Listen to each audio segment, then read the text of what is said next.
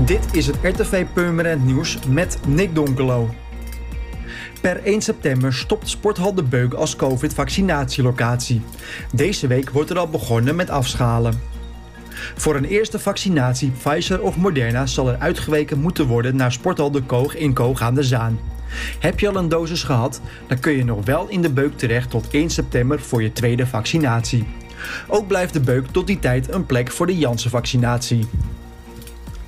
Donderdag 29 en vrijdag 30 juli kan er geen aanvraag voor paspoorten en identiteitskaarten worden gedaan in het stadhuis van Purmerend en de Beemster. Dit heeft te maken met een nieuwe versie van de identiteitskaart die vanaf 2 augustus landelijk wordt uitgerold. De aanpassingen voor de nieuwe identiteitskaart komen vanuit de Europese Unie, zodat elke kaart in Europa aan dezelfde eisen voldoet en daarmee ook veiliger is.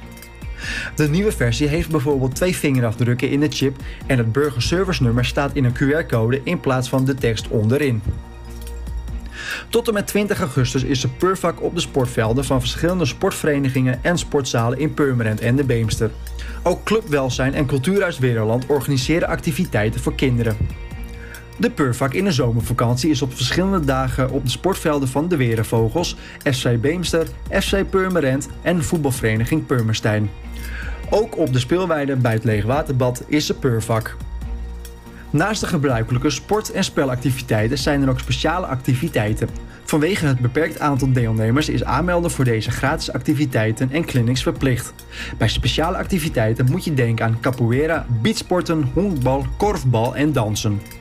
Op de website van Spurt staat het programma van de Purvak en aanmelden voor deze speciale activiteiten en sportclinics is daar mogelijk. Voor meer nieuws, kijk of luister natuurlijk naar RTV Purmerend, volg je onze socials of ga je naar onze website, dat is www.rtvpurmerend.nl.